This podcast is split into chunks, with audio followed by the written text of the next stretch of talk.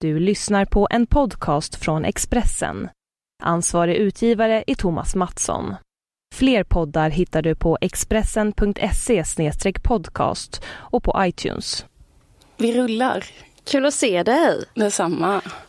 Nu ser jag dig också på riktigt. Ja. IRL. Vi brukar ju spela in eh, våra trogna lyssnare om vi har några kvar. Därför att vi har haft så groteskt dåligt ljud så att det har varit hemskt faktiskt. ja. Um, därför ska vi bjuda er på en, Krispig resa. en riktig jävla liksom upplevelse nu. Ja. Våra, för, så, som, för att tacka er för att ni har lyssnat så länge på det här pissljudet. Så ska vi idag göra en podd med, med, med ljud som är inspelat i en studio. Utan innehåll, bara ljud. Så vi ska så här, prova olika... Dobby Mamma, mamma, mamma. Bara sitt och låt ljudet älska mer i, i öronen. Okej.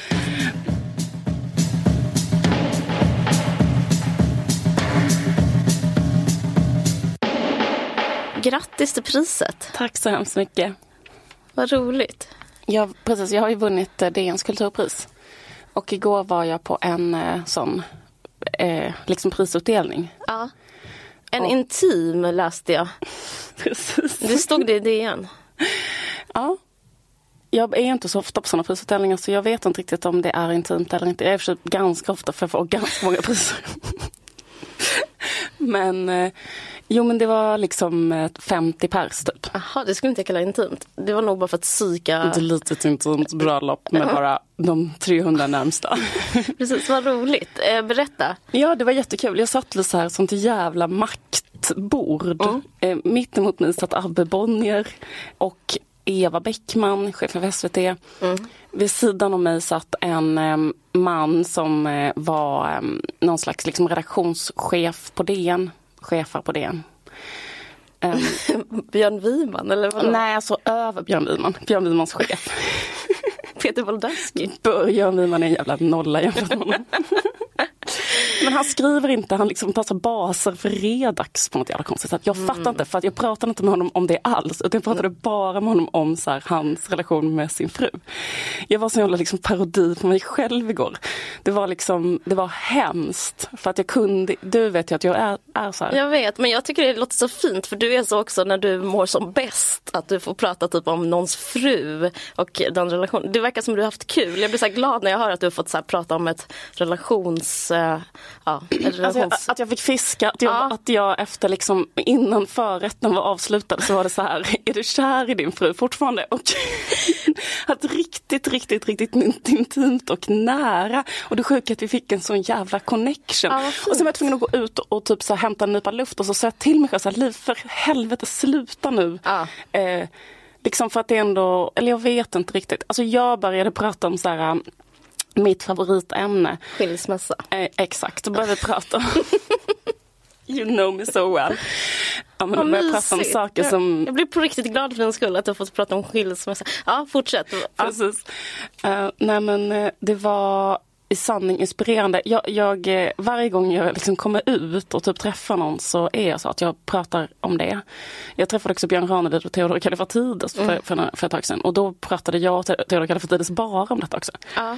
Ehm, Men jag tror det är bra för det är ett sätt att, eh, jag tror alla vill prata om det. Alltså jag tror ingen vill egentligen prata om så här, sitt jobb. ja eller eh, typ eh, ens bo, eh, bostadsmarknaden i Stockholm. För det är, alla pratar ju om det. Men jag tror alla vill bara prata om att de kanske tvivlar på sin kärlek. Jag tror det, jag tror det blir poppis. Jag tycker du ska fortsätta. Men det var intressant för att jag pratade om mitt så absoluta favoritämne, nämligen så här, de tre beståndsdelarna i en relation som jag fick eh, lära mig när jag gick i familjeterapi. Och då är det så här, eh, en är att man ska ha intimitet och det betyder att man ska så här, eh, veta vad den andra tänker och oroa sig för och vad den har för kompisar, om den är glad eller ledsen. Och så där. Kunna liksom, alltså att man delar viktiga känslor med varandra. Och en annan del är då livsprojekt som att man ska vilja leva på samma sätt ungefär och kanske bo på lite samma sätt och åka till samma ställe på semester. Och ett annat, en annan grej är, eh, vad heter det, passion som är typ sex och bara allt sånt. Den grejen. Eh, I alla fall så diskuterade jag det här med honom, vilka delar han hade med sin fru. Men alltså, Det här var alltså innan förrätten var slut. Jag fattar. Men, jag berättar en sak. Han, det var så jävla, det var faktiskt väldigt inspirerande. Det var också därför tror jag som han började prata väldigt mycket om det. För att han hade ett så jävla, jävla lyckligt förhållande. Det enda han sa var så han bara, ja ja, så vi har alla de tre delarna. Jag bara, hur länge har ni varit ihop? Han bara, sen vi var 17. Men nu är de så här, du vet, nästan. Är det sant? Ja, ja. Och du fick inga såna mm, försvarsmekanism-vibbar? Nej, jag fick vibben av att jag hade typ snubblat över så här, en människa som hade haft ett fruktansvärt lyckligt äktenskap och var så sa jag så här, men är det så i en relation att man ibland är kära och sen ibland är man inte så kära och sen blir man kära igen? Alltså så tänker jag, mm, vill fråga människor som har varit ihop så otroligt länge, vad fan de blev ihop när de var 17? Så sen så här, nej, vi har alltid varit kära. Jag är jättekär i min fru och det har jag alltid varit. Varenda sekund. Han bara, det är klart det finns irritation och bråk och sådär. Men jag är all, vi är alltid kära i den. Och eh, de har tre barn. Okej, förlåt jag lämnar ut dem. Men, förlåt, det är därför jag inte säger hans namn. Jag fattar. Det var Peter Wohldask. Nej jag skojar bara, det var inte det. Men, men jag säger bara positiva saker om honom. Och det var att han hade, verkade ha ett så jävla jävla lyckligt förhållande. Jag vill, jag vill inte vara djävulens advokat. Mm. Eh, men kan, alltså, kan inte sådana svar bero på tillfället också? Kan inte vara, alltså ibland, jag skulle också kunna svara så om någon frågar mig om mitt liv. Liksom, det är bara eller att man säger så här, min barndom var bra. Så kan man lika väl säga att min barndom var bra som att min barndom var lycklig. Mm. Eh, men eh, alltså eller vad, vad, tror du att det var så? Är det så? Eller handlar det om ett sätt, handlar det om en inställning hur man så tolkar livet? Handlar det om honom att han sa så? Förstår du vad jag menar? Ja, jag tror att det handlar om tillfällen, precis som du sa. Ja. Att jag liksom lyckades fånga honom i ett, i ett tillfälle där han kände så. Mm. Men jag fick 100% känslan av att han kände så helt genuint. Och att det var nu hans liksom, berättelse om vad som hade hänt. Liksom. Ja. Men det är väl säkert, det är helt underbart. Det var roligt. Mm. Gav han några tips? Ja, det frågade jag ju naturligtvis också. Nej men just det, för jag sa så här, men är det viktigt att man är lika? Och så där? Är det för att, eller jag frågade så här, är det för att du har träffat rätt? Är det för att det var liksom rätt människa från början? Och han bara, ja eh, det var det nog på ett visst sätt. Men så sa jag så här, är det, är det för att ni är lika? Att ni liksom där, han bara, nej vi är jätteolika. Så var det också så här, nej, vi kommer från helt olika så här, klassbakgrund och massa sådana saker. Men det spelar inte någon roll. Det var bara så här, eh, kärlek? Mm. Det var bara lycklig kärlek. Ja. Inspirerande. Väldigt inspirerande. Men jag får lust att säga att jag också är lyckligt kär. Jag tycker liksom det låter så härligt och stolt på något sätt att mm. vara sån. Mm. Att så gå, gå ut på en middag och bara säga ja, jag är kär i den jag är ihop med. Så att, alltså det motsatsen är så att man går ut på en middag så träffar man någon som typ tar av sig vigselringen. Det är så mycket mer attraktivt med någon som är så här ah, Fast jag, skitsamma. Jag tycker det inte spelar någon roll om det är sant eller inte. Det är intressant att höra. Mm, precis. Men jag fick stark känsla av att det var sant där och mm. Skitsamma, mitt andra jätteroliga samtal hade mm. jag med Abbe Bonnier. Mm. Men det var, rörde bara hans eh, Instagram. Alltså det var så kul för att han har då Instagram. Han satt och skulle instagramma någonting och så, och så var han så här. För, för de som inte vet det så är det kanske förlags-Sveriges mäktigaste person kanske. Ja. Han, han var så här, jag har bara sex följare. Vad spännande. Vem då? Vi bara, va? Har du bara sex följare? Du är liksom Abbe Bonnier. Ja, ja. Och då frågade jag, har du precis startat Instagram? Han bara, nej jag har haft det i sex månader. Men det är helt sjukt. Men har han private account? Han har private account och då ja. sa jag direkt, du måste ha öppet account. Men ändå, han hade inte fått förfrågningar. Men då var jag så här, jag bara, men jag ehm, och sen så tittade han och sa, åh nu har jag fått en förfrågan. Och då var det från mig. För då var det så här, jag kände att jag var tvungen att följa honom. Ja. Eh, så jag är liksom... Ehm, är du hans sjunde följare? Jag är hans sjunde närmsta vän ska jag säga. Oh, men gud vad fint. Men vad har han lagt upp för någonting? Eh, det sjuka är att jag inte har kollat, så jag kan inte säga det. Men han, eh, jag, jag vet inte, men jag tänker så här, att han borde lägga upp grejer från förlagslivet, förstår du? Om man är Albert Bonnier. Men han behöver inte det. Nej, okej. Okay. Det är det som är grejen. Han är för... Han är över det. Han är så... Men han varför... äger Instagram. Jag vet, han äger förmodligen Instagram. Men grejen är att han... Han, men varför har han det då alls? För jag tycker det är så himla konstigt. Mm. Antingen står man ju över Instagram. Mm. Eller är man på Instagram och har 48 000 följare, mm. om man är Albert Bonnier liksom. Eh, men man har ju inte Instagram och har sex följare och är typ så lite or, nej, liksom tycker det är jobbigt att han har så få följare på Instagram och tar, pratar om det på en middag. Vad spännande. Jag undrar vilka de andra, fick du reda på vem de andra var? Men det måste ju vara typ hans fru, hans barn. Ja, man kanske har så extrem så här, heartfelt bilder på Instagram. Typ eh, bara barn och jag vet inte. Nej, men jag tror inte det för att han var så här bara, ja nej men jag typ. Alltså det var, det var, ja. det var, ro, det var roligt. Jag, bara, jag kan kolla nu hur han Snälla gör det, det är så spännande. Vad, vad har du gjort? Hur är det med dig? Tackar som frågar. Eh, jo men det är bra, det är bra. Jag har, eh, för trogna lyssnare, jag har äntligen fått mitt körkort. Men, men jag var ungefär i bilen som du var på den där festen igår. När han eh, godkände mig. Okej förlåt men nu har jag hittat allt på hennes Instagram. Okej. Förlåt. Det är sjukt att han har inte godkänt mig. Det är jättekul. Han har 11 följare. Så han har liksom fördubblat sen igår. Ah. Han godkände Eva Bäckman. Han var ute och hora igår. Han har godkänt. Skit i det. Berätta. Ja, men jag, jag har vunnit kör, det heter inte. Jag har fått mitt körkort. Det är jättekul. För jag kanske, alltså, jag vet inte hur många gånger jag kört upp. Jag vågar liksom inte räkna själv. Men det kanske var åtta gånger, kanske nio gånger. Jag vet inte. Men hur som helst så fick jag körkortet och det var helt underbart. Wow. Och jag, eh, ja, men jag sa precis det att jag var typ exakt som du var på den där middagen.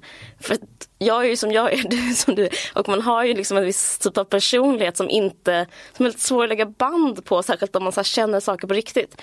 Så efter, han var en väldigt så fin människa, han som, vad heter det, inspektören han liksom satt mig där i bilen och så bad jag honom så här prata. Jag, berättade, jag hade med min kille också som satt i baksätet och, för att han skulle så här, sitta där och sprida kärlek. Så det var väldigt så, eh, vad, ska, eh, vad ska man säga, kontroversiell stämning från början i, vår, i bilen. Du liksom. fick ha med dig? Ja, jag bara, kan jag få ta med min pojkvän? För att jag li, lider av, han bara, shut up, okej. Sen låter de- Men så, så, så pratade jag jättemycket om så här, hur jag kände mig och så, som man egentligen inte gör med den typ av människor man aldrig träffat, som är typ en körinspektör. Liksom. Men, men jag bara, ja, eh, det är någonting som har hänt, jag har börjat projicera jättemycket. Det här är liksom mitt inträdesprov till vuxenlivet. Han bara, okej, okej, okej, det är lugnt, han får vara med. Och sen så åkte vi och sen så bad jag honom berätta om sig själv och så berättade han om om hur han kom från Skellefteå och blev varslad som bi, lastbilschaffis. Och, alltså, vi hade så fint, han bodde i ett hus i Bro och jag berättade att jag skulle flytta till 27 kvadrat i Hornstull. Och bara, vi,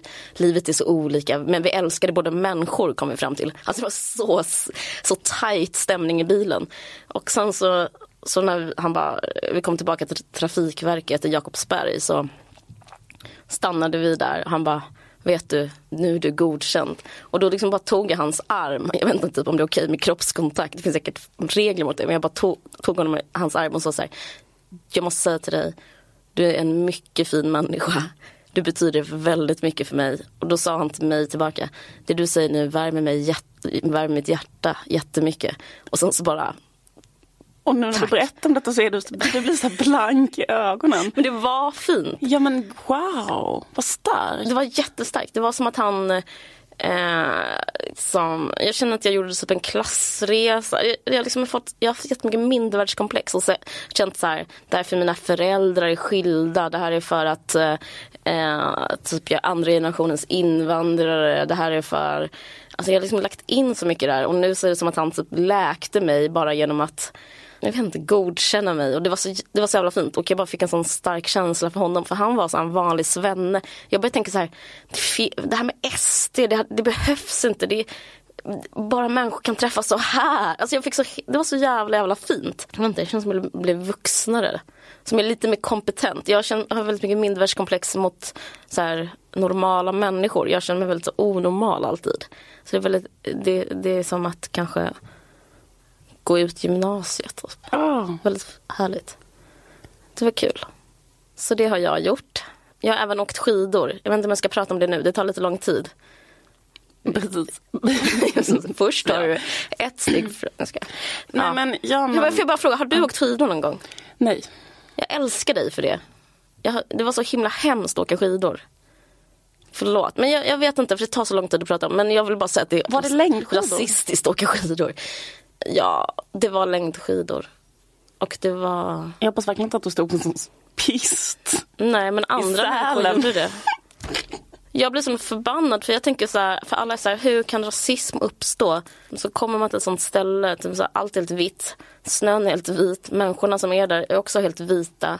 Och så gör de något som är jättesvårt och utestängande. Så man måste så här, antingen om man kommer så från en så högre klass kan man ha råd att åka iväg eller så måste man vara från Norrland. Alltså det är liksom som att det finns massa sådana ritualer i samhället. Det känns som jag var där som en spion. Jag var liksom egentligen inte, var inte meningen sån som jag skulle se vad som hände. Så håller alla på med det. Det var väldigt så introvert stämning. Som så här, eh, performativ nationalism. Det var väldigt, väldigt speciellt. Var var du någonstans? Jag var ett i, i, i Dalarna i ett, på ett ställe som heter Granberget. Mm. Och så var det liksom, och så, så var det som att, så, så, var det som, så var det som i Cool Runnings typ. När det är så här, jag vet inte vad det är. Vad är det? Jamaik, någon sån komedi där så här, jamaikaner ska åka bob. Ja, det var så typ. Jag, liksom, jag känner mig inte särskilt så här, uh, som en svartskalle så ofta men jag gjorde verkligen det då. Och, och uh, jag tror att man det påminner om barndomen. Man känner sig mycket mer som uh, det var länge sedan jag kände mig så rasifierad men jag minns att jag gjorde det när jag, i, när jag var liten också. För då var också alla så normala och samma. Människor där var exakt likadana och alla åt korv efteråt. Det var väldigt speciellt och sjukt skulle jag säga. Ja. Och det var så här, bakom de här granarna sker det här samtidigt hela, hela tiden. Det finns en helt underbar konstnär, Peter Johansson, som eh, är liksom, har uppväxt i Dalarna och han har gjort mm. så himla mycket konst om just så här Vasaloppet och nationalism och eh, sådär. Han är så jävla bra konst. Um, för att han hatar också så verkligen så här spyr så jävla mycket på det och växte upp i ett sånt sinnessjukt förtryck. Alltså hans mamma hade ja. som våffelstuga bredvid Vasaloppsspåret. Så han var uppväxt i en sån våffelstuga där han var tvungen att stå med så här dal. Det är inte alltså, klokt. Kurbits bara överallt. Ja. Och sälja våfflor till sådana svenska nationalister. Nej, de är inte nationalister Nej, men de, ja, de, är absolut, de, de, de, är säkert inte nationalister och ingen är någonting. Men jag blir, jag blir så inspirerad politiskt att så här, ruska om lite hur sakers tillstånd är. Liksom. Men jag tänkte faktiskt på det för jag kollade på den här filmen Trevligt folk. Ja. Och då tänkte jag också just att det, alltså så här, att det finns en aspekt av den filmen som är så här att att den sporten de ska utöva är så svår. Ja. Eh, för varför ska de göra, åka skridskor och spela band? Jag kan inte tänka mig något så som är svårare att lära sig så här. Det är verk verkligen svårt. Och det är liksom som en... Uh... Varför inte bara vanlig bandy, typ innebandy? Nej men det, jag, håller, jag håller med om det. Och det, det handlar väldigt mycket om att vara invigd tror jag. Det är det jag kände så mycket. Att det var så här, de invigdas performativa ritual. Det var fan sjukt. Men min lillebrorsa skulle åka, han var tvungen att åka när han jobbade som jurist och åkte iväg på så jobb. Alltså, kan tänka dig att vara kick-off i Alperna och man aldrig åkt liksom. Man bara suttit inne typ i hela sitt liv. Och, på kåken. På kåken. på kolonin. Han var en av grabbarna. Skojar. Nej men typ så här. Då, slog, då åkte han, då bara var alla såhär, kom igen nu, typ slipsen eh, på huvudet och åk. Och då, så, då gick hans knä ur led. Så han bara satt inne i en sån liten lägenhet i Alperna ensam hela dagarna.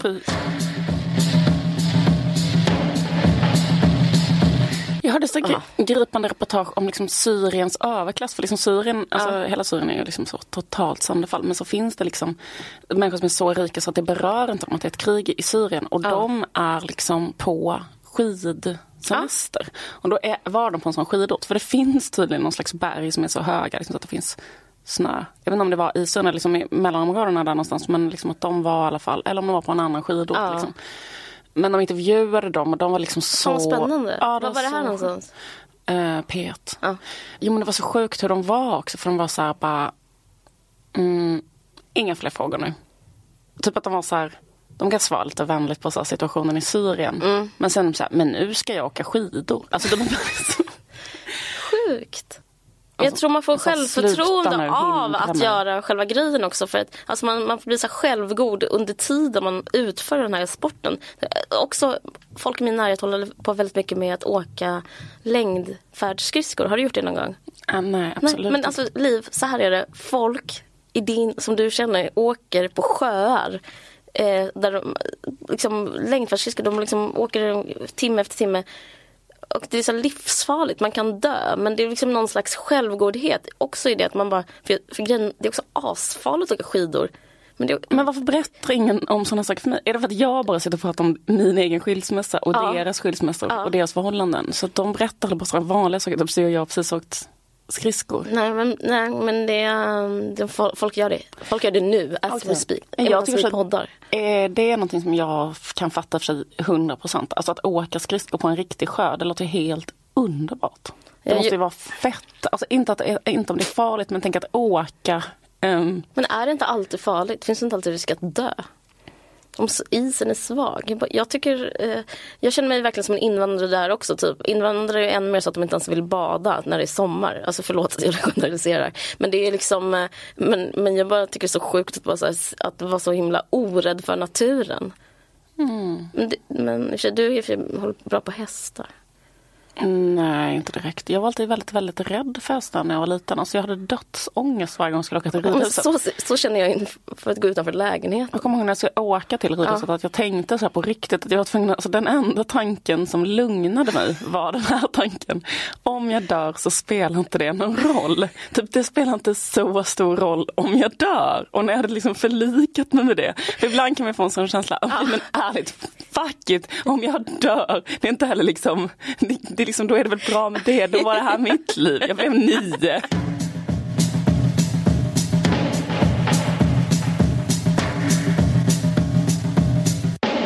Men det är vad jag har gjort på sista tiden. Utflykter i Sverige. Ja, det låter fantastiskt. Nej, det låter ju inte fantastiskt. Jo, men grejen är att det var fantastiskt. Jag, det finns ju också en aspekt i det här som är väldigt så här, bortskämt. Att jag blir bjuden på en resa och eh, får åka skidor och allt är jätteunderbart. Och att jag typ så här, kostar på mig en analys. Det är, det är väldigt oartigt. Jag menar inte det, förlåt. Men det är bara ditt jobb. Ja, det är bara mitt jobb. Ja, exakt. Det är någon måste göra det också. Ja, men verkligen.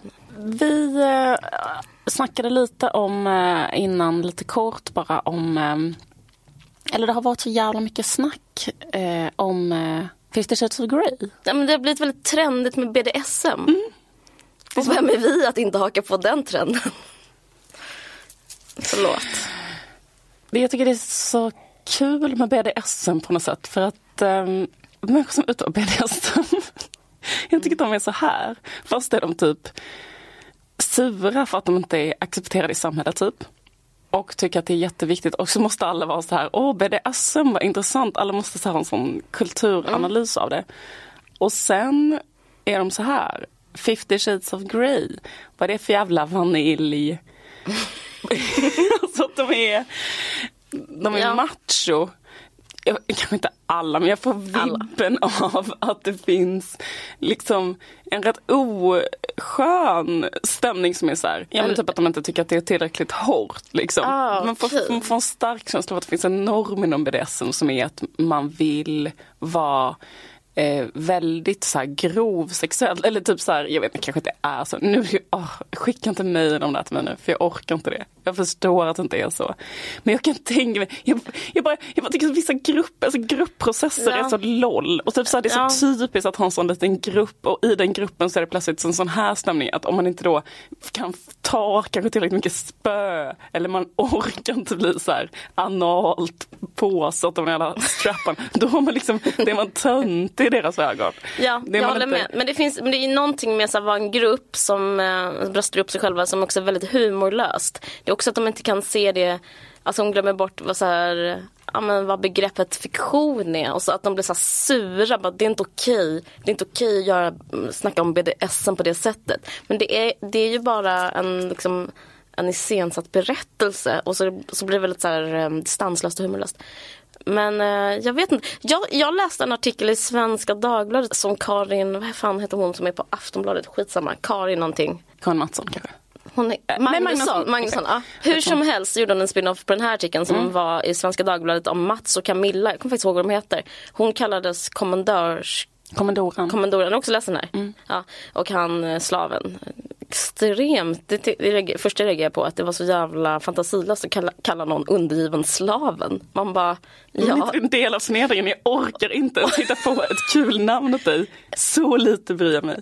Okej, ja, för henne är det lite mer elaborerat. För man, man, gud, hur många slavar finns det där ute liksom just nu i svenska alltså, villaområden. Hur som helst, jag, eh, då, men hennes grej och deras take lite var att eh, det hjälpte jämställdheten på något sätt. För att han, eh, hans roll då som den undergivna, den, den, den dominerade eh, skvalpade över på till exempel hushållsarbetet. Att han blev kåt av att diska för att hon bara Är du snäll och ta undan tallrikarna? Och då så, så pirrade det till liksom för att det är också en del av Ja det var det hon pratade om. Men jag blev lite illa berörd för att den, det enda han fortfarande dominerade över i familjen var tydligen ekonomin, kommer du ihåg det? Aha. Så att liksom, det, det, det, var som en miniatyr av samhället. Man bara, mm, vi kan låtsas att kvinnor har makt. Men här, vi vet ändå vem som bestämmer. Det tyckte jag var lite, oh, det tyckte inte jag var riktigt med det som han skulle Nej, man får bli bort pengarna också om man ska vara slaven. Ja. ja. men är inte det så att det här är bara en lek liksom jo. som man håller på med jag tror, men jag har hört talas om sådana BDSM-par som är så här, typ att så här, den dominerande då skickar kanske ett sms där, till sin tjej. Jag vet någon som har ett BDSM-förhållande på distans. Mm. Då är det mycket så här, du får inte ha några trosor på dig idag när du går till jobbet. Och bara, oh, jobbigt. jo, men du så får inte. Hon bara... Sur smiley. Fan, det är från min dominatrix. Eller så här, idag när du, så måste du. Typ så, här. så tycker de att det är sexigt. Men, men det, det kanske är. Men jag, när jag var i New York förra mm. året så var jag där med en eh, underbar eh, person som också är en lite offentlig person. Sanna Samuelsson. Hon, skriver, hon är väldigt så här, bra feministisk journalist.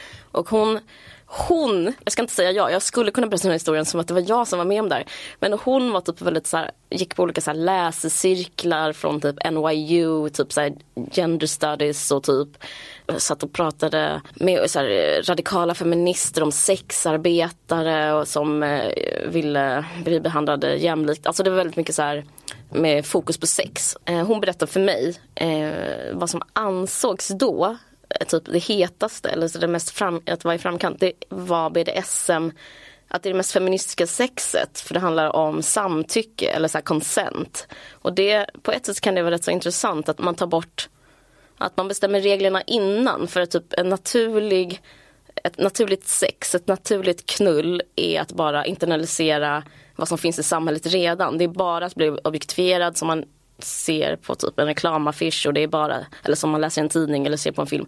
Så typ det var, snacket där var att det var ett sätt att så här, ta ett aktivt val. Ja, då var jag så här, men det blir ändå typ någon slår den. Hon bara, jo men man väljer att någon slår den. Ja, jag vet inte, jag tyckte det är ändå lite intressant. Och nu så när jag läste om det här så är det otroligt stor, det är så här två läger inom feminismen nu. Alltså det är typiskt så här inom feministiska då är folk väldigt mycket för och väldigt mycket emot. Men det, det är typ en stark feministisk fråga om BDSM. Det är rätt så många som är det verkar vara det nya. Har du, hur känner du? Har du upplevt det här? Ja, eh, precis. Men jag känner också att det har varit så här um, ett tag just mm. att så här, feminister håller på att göra egna så här BDSM på mm. filmer och sånt där. Men jag vet inte riktigt. Jag, men jag tycker det är, en, det är en syn på valfrihet och den fria viljan som jag liksom inte riktigt egentligen tror på. Sådär. Att man till exempel kan, eller liksom inom vissa ramar så, så kanske det är så.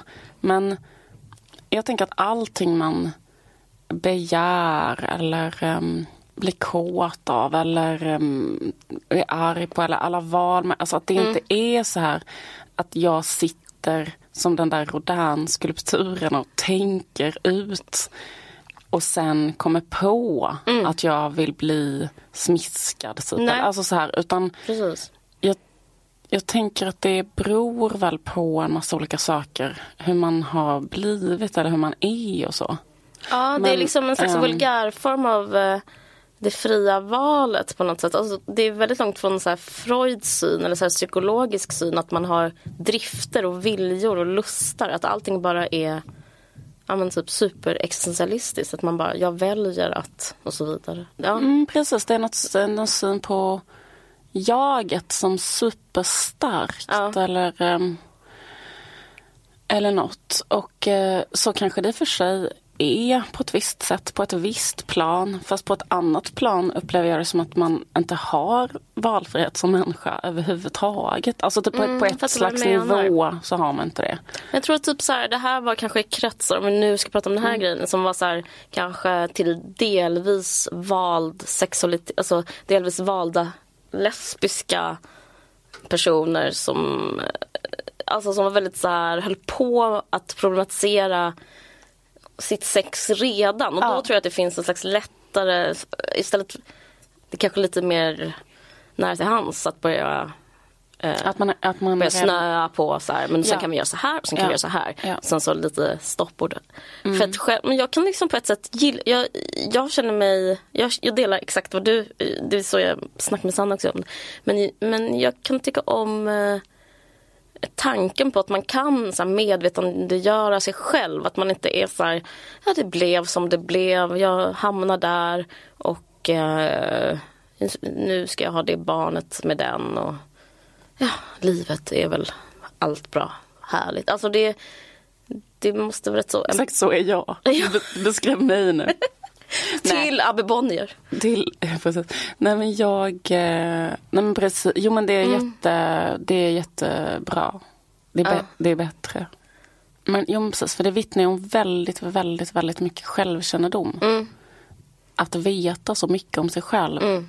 Så att man kan redan innan i ett, liksom, för jag tycker också så här, eller det finns rätt stor skillnad på liksom, kanske då ens typ kåta personlighet, alltså okåta personlighet, typ att i ett så här, totalt okåt stadium kunna så här, sitta och dividera så här, när jag är kåt då kommer jag att vilja göra det här och det här och sen kommer jag inte vilja göra det. Ja. Sen kommer jag vilja göra det. Alltså, typ så här, det, de behöver inte bestämma exakt för de får väl säga stopp och sånt. Det är väl ändå en slags lek, det går väl Ja, det är liksom, lite organiskt. fram. Mycket av sex traditionellt handlar ju typ om så här att hålla på med så förbjudna grejer, saker man inte får och sådär. Och då tänker jag att det måste vara en så här sexdödare, att man har bestämt vad man får och inte får. Jag, jag, jag får inte ihop den biten. Mm. Det är, alltså det är lite som internetdating. Att det är så här, jag söker någon att dela livet med, du söker också det, vi ses där, vi tar två glas vin, käkar, sen kanske vi kan så här börja prata om så här, vill du ha barn, vill, var vill du bo?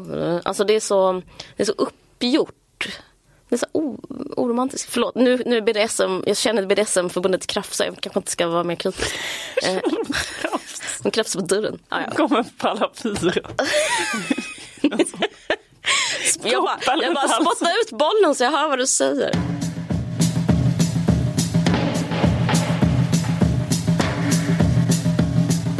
Jag tycker faktiskt en grej som jag tycker är intressant med BDSM-kulturen det är deras estetik. Och jag undrar varifrån den estetiken kommer.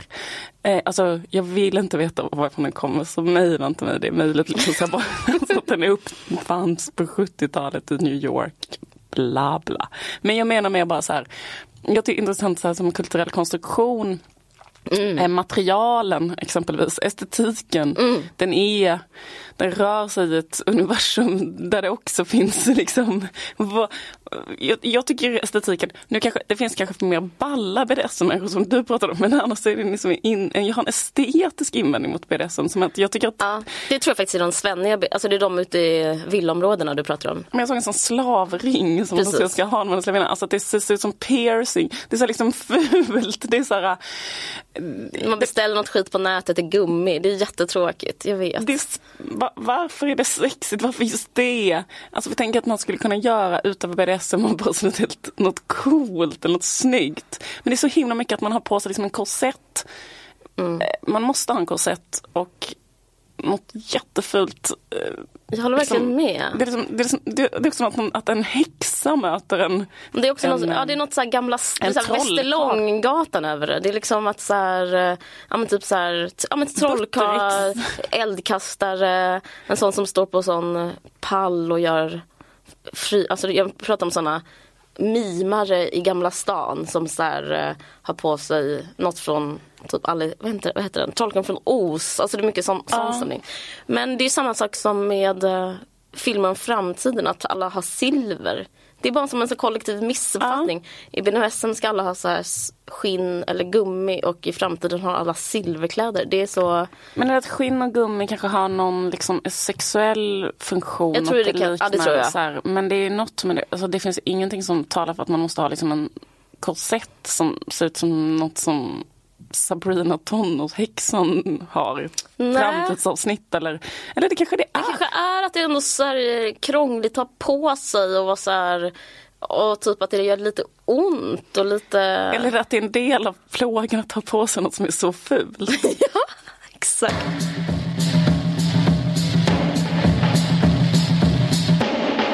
Ingen pratar om så religiösa, alltså det finns ju en religiös dimension i, eh, det, i BDSM som är, alltså det, det, religiösa begreppet är underkastelse. Alltså man pratar om hur man, eh, när man pratar om religion så pratar man så här, vad har människan för förhållande till Gud eller till Just. själva religionen mm. i sig. Och det är att totalt ge sig hän. Alltså påsken är väl Nej, pingsten. Det är någon som... Tog, jo, de, tog, de tog bort pingsten och pingsten var hänryckningens tid. Jag ser ett, eh, ett, en röd tråd. Och det är så här, mm, jag tror typ människor har ett behov av att ändå tycka något är fett. Och det, innan så gjorde man ju det i religionen mycket mer. Att man var så här, det är fett. Jag, eh, jag eh, går upp i trans, jag går upp i extas. Och jag gör det inte för mig själv. Jag lämnar mig själv och jag kan gärna fasta på det eller liksom äta något kanske sjukt eller be flera timmar. Något sånt. Och, och nu så finns det väldigt lite naturlig, naturliga inslag av den varan i samhället. Det händer ju ingenting. Eh, man har inte så naturlig andlig extas eller, och som bygger på underkastelse.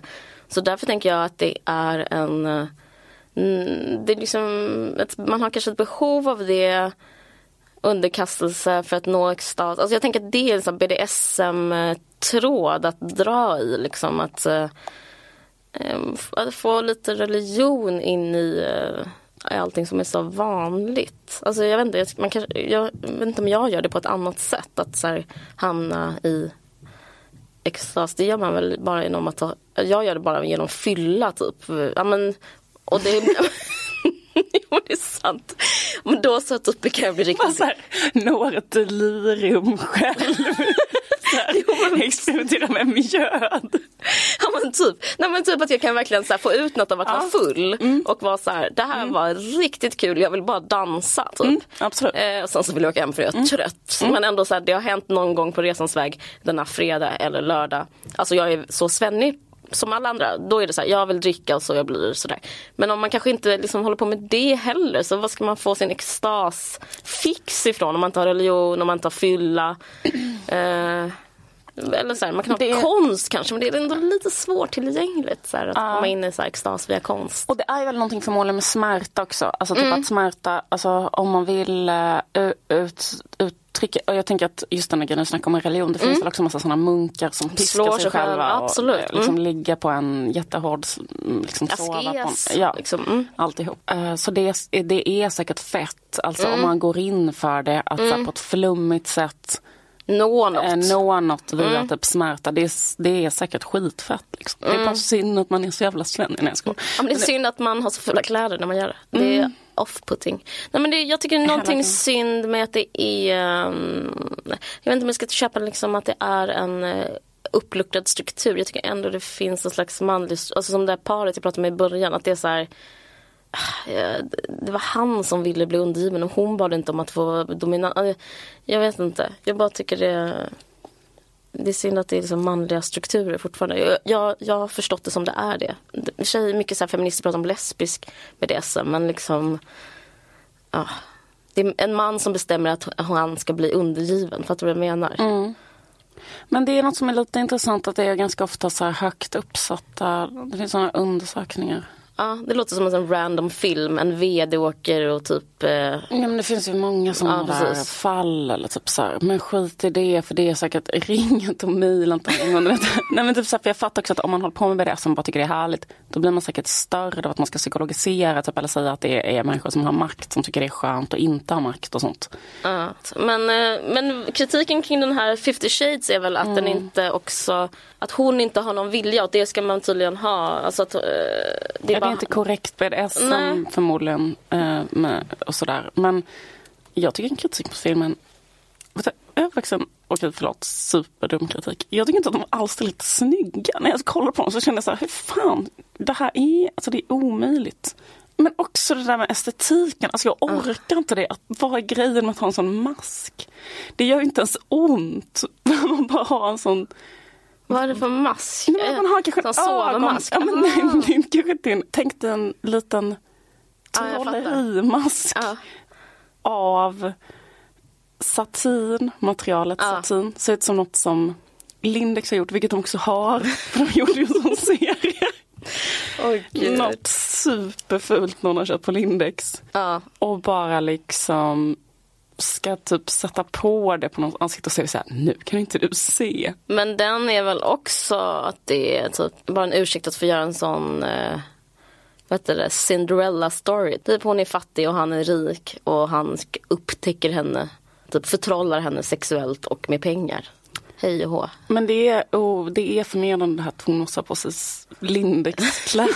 det är så himla intressant att Lindex också gick in i det på det sättet att de skulle sponsra 50 Shades of Grey och göra sådana underkläder. Och att det är en del av förnedringen att ha sådana ja, det är superfula kläder. Jag fattar. Ja. Och sen på dagstid måste man ha så vanliga Lindex-kläder som en del av förnedringen. det är sant. Och så, så snobben, ja, ett snobben-trosor, ett linne med jättetråkigt fult linne som är fult sytt. Ja. Det är sant. Eh, Okej, okay. förlåt. Ja. Vi, vi inte, jag hoppas inte har kommit ut som att vi är emot BDSM. För Nej. att, um... Men grejen är att jag tycker det är helt ointressant att prata ja. om mot eller för. För det är ja. som att säga någon sexualitet. Det är som att vi på ett sätt skulle säga så här, vi är lite emot, eller vi är för att typ killar som tänder på killar. Alltså det går ja, ju inte nej. att så här, ha en åsikt om överhuvudtaget. Vi bara pratar om att det finns. Ja.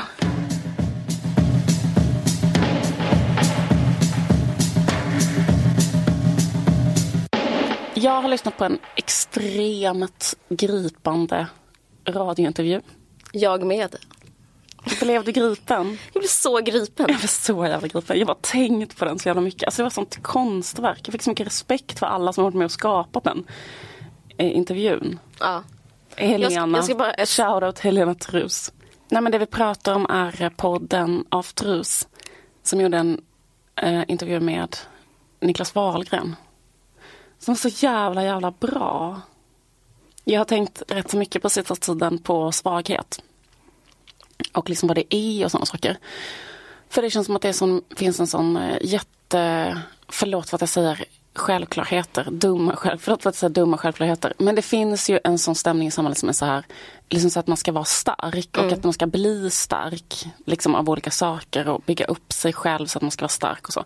Och sen allting som är att vara svag, det är till exempel så här, att ångra sig, att misslyckas, att byta kanske åsikt, att uh, tigga och be någon. Nu beskriver mig bara, lägg av. Nej men jag håller med, nej men visst är det så. Olika saker. Mm. Egentligen så är alla de här grejerna det enda som får människor utvecklas. Mm. Att vara rädd, att liksom lida eller typ att mm. Tvivla tvivla, ångra sig. Och det tycker jag man ser på äldre människor. Så här, typ, um, förlåt för uh, gubbashing, men man kan se på äldre män till exempel som har varit väldigt starka och kanske haft mycket makt så i sina liv och varit sedda upp till och sånt. De har aldrig bett om ursäkt, de har aldrig förlåt, liksom de har aldrig ångrat sig, de har aldrig tvivlat på sig själva, de har mm. aldrig varit självkritiska. De har inte gett så mycket av sig själva i en kärleksrelation och så. Men sen när de blir gamla så tycker jag att man kan märka det hur jävla svag man blir av att ha varit stark. Liksom. Mm. Men det som var så himla intressant tycker jag med den här intervjun med Niklas Wahlgren, det var att den intervjun um, var bara en människa som var i stadiet att vara helt svag och mm. utlämnad. Det var ingen som sa präktiga förnumstigheter om att Han vara sa svag. aldrig så här, fast jag lär mig något. Det var så skönt. Precis, det var inte den typen av präktiga förnumstigheter som jag själv sa nyss om att vara svag och stark, att teoretisera kring det eller någonting. Det var bara att så här, vistas i, i, i liksom eh, svaghet. Märkte du hur, varför hon var bra den här Aftrus? Nej, så är det. För att hon, alltså man tänker, det är också ett tips till alla journalister. Förlåt den här podden börjar bli lite väl sj- självgod. Men, men ändå, jag vill ändå ge, passa på att ge ett tips. Och det är att inte, det är att liksom också faktiskt vara svag själv. Att hon sa inte något smart hela tiden. Hon, var, hon frågade bara på riktigt frågor som man skulle kunna få svar på. För annars finns det en tendens, typ så här Andres Locke journalistik som är så här, ja det började ju redan 1969 med liksom- och sen så har man en sån Wikipedia-ingång till en fråga. Men hon var så här, hur känns det? Och sen så var hon tyst. Det handlade inte om henne och då liksom blev hon så fruktansvärt bra. Hon, blev, hon, gjorde inte, så- hon gjorde inte så här, nu ska vi min chans att profilera mig. Och, och så profilerade hon sig bara på kuppen för att det var så jävla, jävla bra. Hela intervjun börjar ju väldigt starkt med att han har plastikopererat sig. Eller han har på sig solglasögon. Och då berättar han att det är på grund av att han har gjort en ögonoperation. Och den operationen är en eh, skönhetsoperation. Jag har gjort den, tagit bort överflöd av mina ögonlock. Au, det låter smärtsamt. Nej, det gör inte så ont faktiskt. Det gör inte ont alls. Eh, då har jag mer ont i själen. Men eh, ögonen gör inte någonting. Ja, men han också, att han gjorde det för att han såg så ledsen ut. Det är så jävla vackert. Och så var så jävla starkt när han berättade om varför de hade skilt sig. Den dramatiska sanningen över vår skilsmässa. Det är att hon tröttnade på mig helt enkelt. Det finns ingenting annat. Det är inte mer dramatiskt än så.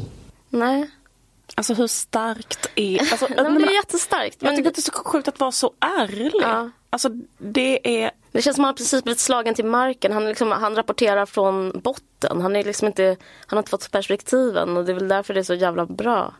Men, det, men jag tänker att det är väldigt svårt ändå att formulera sånt för att det, man har något automatiskt i sig som, som är emot att eh, Alltså det han säger är ett antiklimax. Han, inte, han säger inte så här, och det var lika bra för nu så blir hon lyckligare och jag lycklig. Alltså han säger ingenting som är, eh, bågen liksom inte, går inte uppåt. Den, liksom, den är bara, den bara existerar inte. Och det tror jag är rätt svårt att se på sitt liv som i, inte linjärt eller inte uppgående på något sätt. Utan bara, hon lämnade mig och jag vill inte det. Nej. Han sa, han sa också så här, när hon frågade Ja. så här, är ni i två olika stadier? Ja, jag är ett stadie. Det är ju min, det, det är ju min, min akilleshäl. Jag älskar ju henne till döds fortfarande. Jag är kvar precis allting. Ehm, och det måste ju vara jättejobbigt också för henne, herregud. Och sen så säger han också när hon frågar så här, när började det vända? Så säger han så här, jag har inte vänt än måste jag svara på den frågan. Ty jag älskar henne över allt annat i världen. Jag kan inte tänka mig att leva utan henne. Tyvärr, jag har inte kommit dit än. Men han sa också en annan sak som var jävligt intressant som handlar om som, som kanske anledningen till att han gjorde den här intervjun överhuvudtaget. För att han eh, går hos två terapeuter. Det tyckte jag var, jag kände igen mig i honom med det. För att han, för jag gick också i terapi två gånger i veckan i tre år. Det var väldigt, eh, han bara, ja, men jag gör det för att jag vill bli en bättre människa. Eh, men så, så, och samtidigt gör jag det för att eh, jag är intresserad av varför blir det så här? Varför reagerar eh, eh, Ehm, Laila som hon gör? Varför reagerar jag som jag gör? Varför är jag dålig? Varför är hon dålig? Varför kan vi inte klara det här? Jag vill förstå. Jag, känner igen mig så himla mycket i det att man går i terapi för att liksom, man förstår inte någonting. Och, eh, och man har, nästan som de här BDSM har, håller på med sex. Så kan jag vara med psyket. Och så tror jag att han också är med psyket. Så jag tror att han, anledningen till att han kan vara så svag, det är att han inte ser det som Eh, det är inte något som, som, värder, som han värderar utan det är någonting som man har som finns som är så här till för undersökning på något sätt. Och då blir man ju inte bero, alltså han, inte, han kan inte bli bedömd för det för att han erkänner att det finns. Jag tycker det är väldigt, eh, alltså jag, jag fick en slags självinsikt. Alltså jag blev så här förlåtande mot mig själv. Bara, ja, okej, det är därför du inte tycker för nu har vi skrivit en bok eh, och då är jag extremt självutlämnande. Och så jag har också tänkt så här, men varför är jag så självutlämnande? Så jag berättar, precis, för vi håller på att skriva en bok som baseras på poddlyssnares frågor som Ja. heter Kära Liv och Caroline. Och den ska komma ut i april och vi håller på att jobba med den just nu. Ja. Och, och när du har svarat så har du varit väldigt självutlämnande. Ja. Ja, jag har skrivit så här väldigt eh, hur det varit så här, när det varit som mörkast och nästan så här rapporterat därifrån. Men utan att så här, må dåligt av det. Och jag tror det är för att jag också går till terapi så mycket. För att det är inte skamfyllt. Tvärtom så typ kanske alla mår så. Och jag tänker så här, alltså Niklas Wahlgren, det är liksom, det gör ingenting. Alltså det, det, det är ingenting. Det är liksom, jag vet inte. Det är inte fel. Man blir inte ett dugg orolig för honom för att Nej. han verkar så himla, för det är liksom inte farligt. Det är också så här, Ja. just när man avväpnar någonting, för det är så här, för det är ju farligt Mm. när man är kanske också när man är känd eller överhuvudtaget så är det farligt att att det till exempel är farligt att, att bli lämnad av någon. Mm. Att eh, någon har tröttnat på en. Man är så utsatt ju då. Men så får man känslan av att det inte är farligt. Alltså han är bara så här. Nej, det är Alltså, inte farligt. Nej, han bara är i ett sånt tillstånd nu.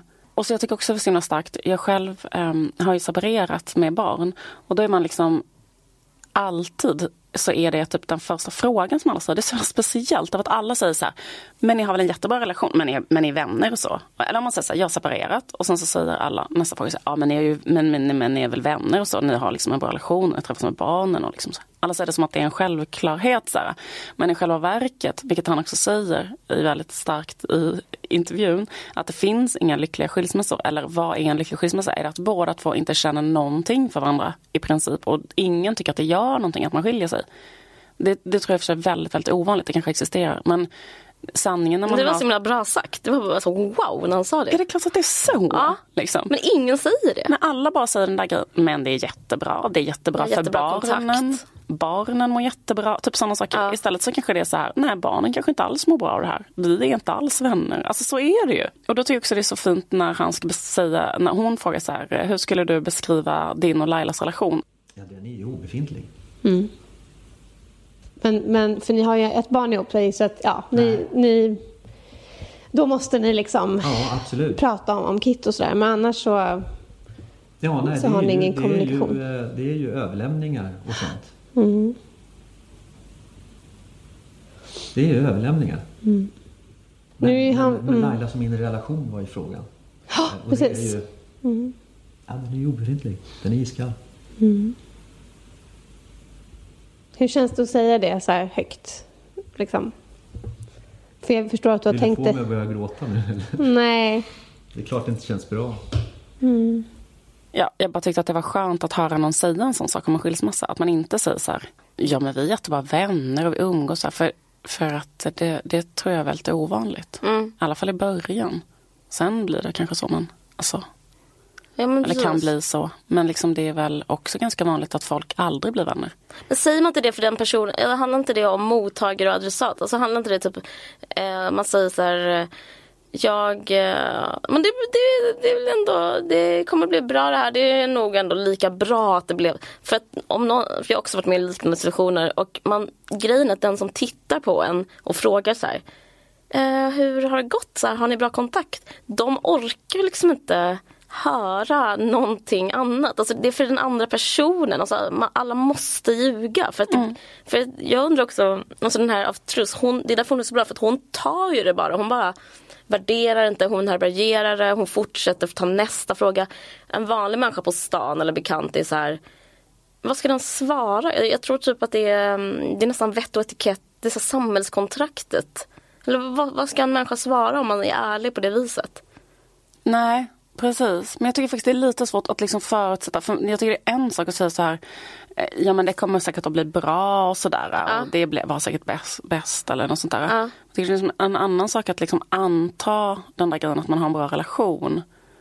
Ja. Eh, på något sätt att vara så här, ja men ni har väl en bra relation. Men jag tror det är för att människor inte står ut med ångest. Den som frågar och står inte ut med den ångesten att livet kanske inte slutar i ett lyckligt slut. Alltså, det är så dödsångest på intågande. Liksom. Man pallar inte. Liksom. Jag vet inte. Men ja, har du varit med om att någon har så här, varit så mot dig? Så här? Mm, jättemånga gånger. Vad Alltså, det är säger typ du då? då? Nej men då säger jag så här till exempel att eh, för i perioder så har det varit som till exempel att jag inte alls har en bra relation såklart med eh, mitt ex. Och då säger man så här, nej vi har inte alls en bra relation. är ni vänner? Nej, vi är inte vänner faktiskt. Alltså just nu, vi är inte vänner. Men, men det... Vad, det, vad gör de då? då? Um, um, nej, jag vet inte. Det, det, men jag vet inte, jag har varit med om så kon, liksom rätt så konstiga reaktioner överhuvudtaget. Men en till exempel en feministisk man Oh, som reagerade så här. Jag berättade så att jag hade separerat. Han bara, coolt. Nej. Jo, här, han har liksom lärt kanske happy happy och lärt sig att man ska säga så här, mm, coolt, härligt. Men det bästa svaret som en, en person mm. har sagt till mig när jag separerat, det var en eh, dagisfröken eller en förskolepedagog som sa så här, eh, när jag berättade att jag skulle separera så sa hon så här, jaha, det kan inte jag säga någonting om, om det är bra eller om det är dåligt. För att jag vet ingenting om ett förhållande. Mm. Så sa hon bara. Och sen sa hon så här, men nu ska vi göra så här, bla bla bla, bla så här, eh, angående barn och så. Mm. Men det tycker jag också väldigt så jävla insiktsfullt. Verkligen. Alltså otroligt insiktsfullt. Så trusiskt. Och liksom väldigt varmt. Alltså ja. nu rapporterar inte jag det så varmt, men att säga det varmt och titta på någon och säga så här, det kan inte jag säga någonting om, det vet inte jag. Jag tror att hon, hon är skyldig själv, så hon fattar hur det är. Hur som helst, jag tycker också en annan, jag måste bara spela på en annan mm. grej som Niklas sa, för det var så jävla fint. Trus försöker föreslå så här att kan du tänka att du någon gång kommer ha en fin relation med Laila, att ni ska vara mm. vänner och ha det, det, roligt. Det är för tidigt för mig att tänka så. Eh, det är perverst för mig att tänka att vi ska att vi ska komma dit. Eh, inte att vara vänner, men att vi alltså det är för tidigt för mig att tänka så. Jag, kan, jag får inte in det i mitt huvud. Jag vill inte ha... Eh, jag, jag, är inte där. Eh, jag tycker också att det var fint att säga så här, det är perverst för mig att tänka att jag ska vara vän med den här personen. För det är ju också att inte ge relationen någon tyngd överhuvudtaget tycker mm. jag. Det är att säga så här, du betydde då alltså ingenting för mig. Mm. För att det ko kommer inte känslor efter att vi har gjort slut. Det kommer inga känslor efter att vi har gjort slut. Jag är inte arg, jag är inte ledsen, jag saknar inte dig. Jag är bara glad och riktigt nära vän med dig nu istället. Så, så är det inte. Det, mm, det, är, ju, det är ju perverst. Det är perverst, men det, jag tycker liksom, jag blir så här orolig att vanliga människor ska ringa in. Nej men det jag tänker så här, det är för att han har gått i terapi. Han kan vara så svag. Alltså det är, förlåt nu för nu tror jag kommer säga det mest eh, vi har gjort i den här podden. Men här kommer det. Att eh, det krävs ju, för att vara stark så krävs det att vara väldigt svag. Eller, och tvärtom. Liksom. Han kan, det är ju starkt av honom att vara så svag. Liksom. Men, eh, och det är för att han har gått i terapi. Men jag tror att eh, folk blir vänner på grund av den enorma ångesten. Alltså det, att göra slut med någon påminner ju om att vara med om ett dödsfall ibland. Att någon bara dör, så känns det. Man, och, och någon annan bestämmer över ens liv. Att man eh, mm, utifrån, alltså oftast den andra personen då, om man är dumpad, bestämmer att den väljer bort den. Och sen så har man inte tillgång till vad man är van vid och vad man älskar och vill ha nära och värmen byts mot kyla. Alltså det är helt fruktansvärt. Det är ju som ett dödsfall därför att den personen finns inte kvar längre. Den ja. personen som älskade en har försvunnit. Alltså det finns en annan person eh, som inte älskar en ja. och som vandrar omkring där ute. Men den, det är Just inte det. den man känner. Så det, det, är ju en person som har försvunnit på riktigt. Ja. Som är den ja, precis. sidan av personen som var.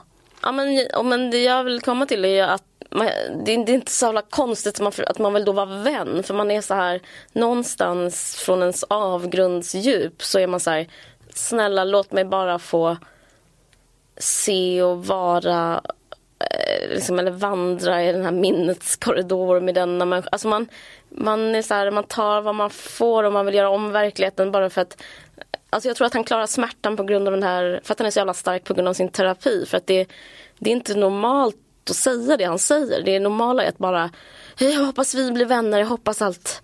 Uh, alltså att bara liksom gripa efter halmstrån och uh, inte kanske klara, klara livet utan uh, typ så här smärtstillande eller ångestdämpande eller alkohol.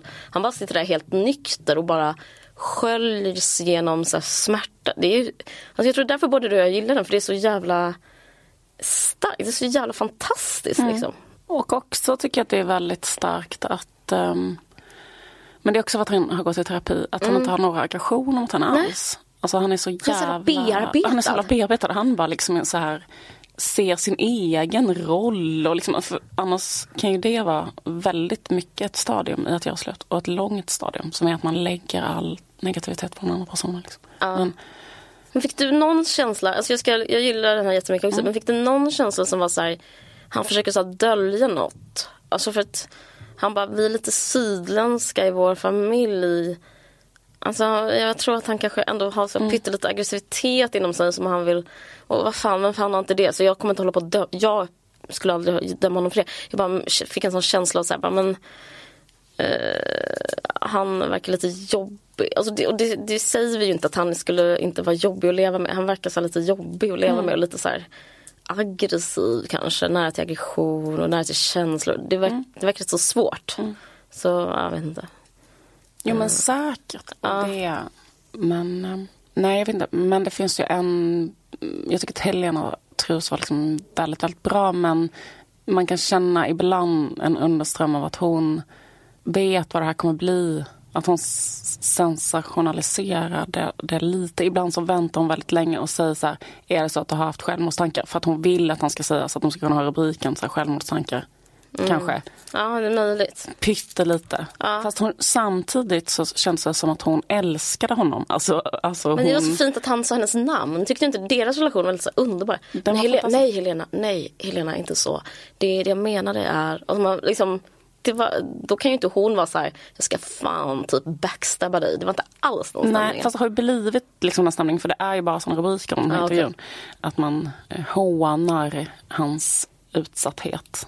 Liksom. Ja. Men vad fan gör hon på Aftonbladet Klick? Va- varför? Va- var är hennes tv-show? Ja, men jag vet inte. Jag vet inte. Nej men det är väldigt konstigt. Men jag tror samtidigt, jag tycker hon är intressant som människa också. Mm. För att jag tänker så jättemycket om henne. För att hon berättade om att hon var på Lailas och eh, Niklas Wahlöfs bröllopsresa på Barbados. Eller? Eller något sånt. Ja, s- typ någon jävla... Aruba. Aruba typ. ja. så sjukt. Och där låg hon i busken, alltså på Ja. riktigt i buskarna. Ja, i bakhåll. Nergrävd i sand och skulle ta paparazzi-bilder. Jag, jag skulle tipsa henne att bli lite mer så ängslig. För det, det är så oängsligt val att tänka så här, min trovärdighet som journalist är lugn. Jag kan åka så här, gräva ner mig i stekhet sand i Aruba. Och, eh, alltså, jag tror det är därför inte hon har en egen talkshow. För att hon inte är så här kreddig och ängslig. Men hon, eh, det är att hon lever i ett universum där det är normalt. Alltså man får Ja. känslan av att hon kanske har någon gång börjat praktisera på en sån. Mm. Och sen har hon blivit liksom bäst. Och sen så bara längs vägen så försvinner alla sådana tankar på, är det här fel? Det var, jag är på Aruba, jag ska ta foton på Laila Bagge. Liksom.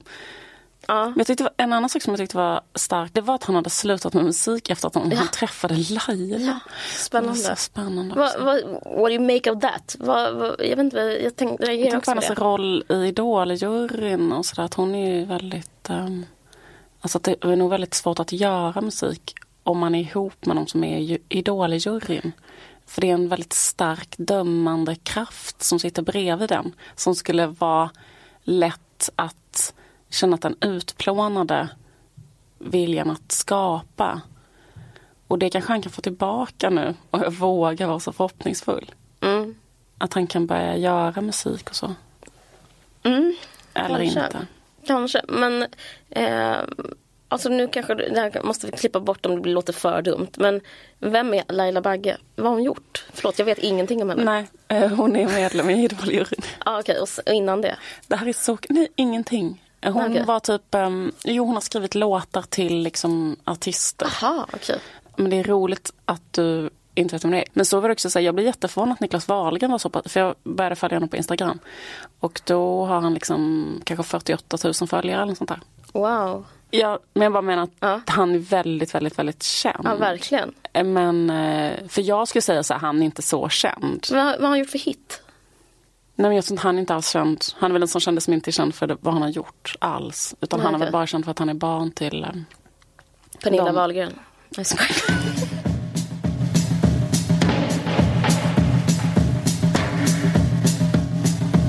Tack för att ni har lyssnat. Tack för att ni har lyssnat. Vi, ni har lyssnat på en Varje sin podd. Jag heter Caroline Ringskog Ferranoli. Nej, Caroline Ringskog Ferranoli. Du heter... Jag heter... Just det, berätta det här. Det här fick jag ett sms om. Vad? Liv Strömberg. Om jag säger Liv Strömberg, vad säger du då? Att de skrivit fel på min statyett? Ja. Ja, just det. Men de skrev en ny och jag var så himla full så att jag glömde min statyett på krogen. Så jag måste så här, åka dit och hämta den på Sven Det är jättekul. Så jävla flummigt. Och jag glömde mitt diplom. Det känns hemskt. Um, Det låter kul. det var superkul faktiskt. Okej, men eh, tack för att ni har lyssnat. Hej då. Hej hej. Du har lyssnat på en podcast från Expressen. Ansvarig utgivare är Thomas Mattsson. Fler poddar hittar du på expressen.se podcast och på iTunes.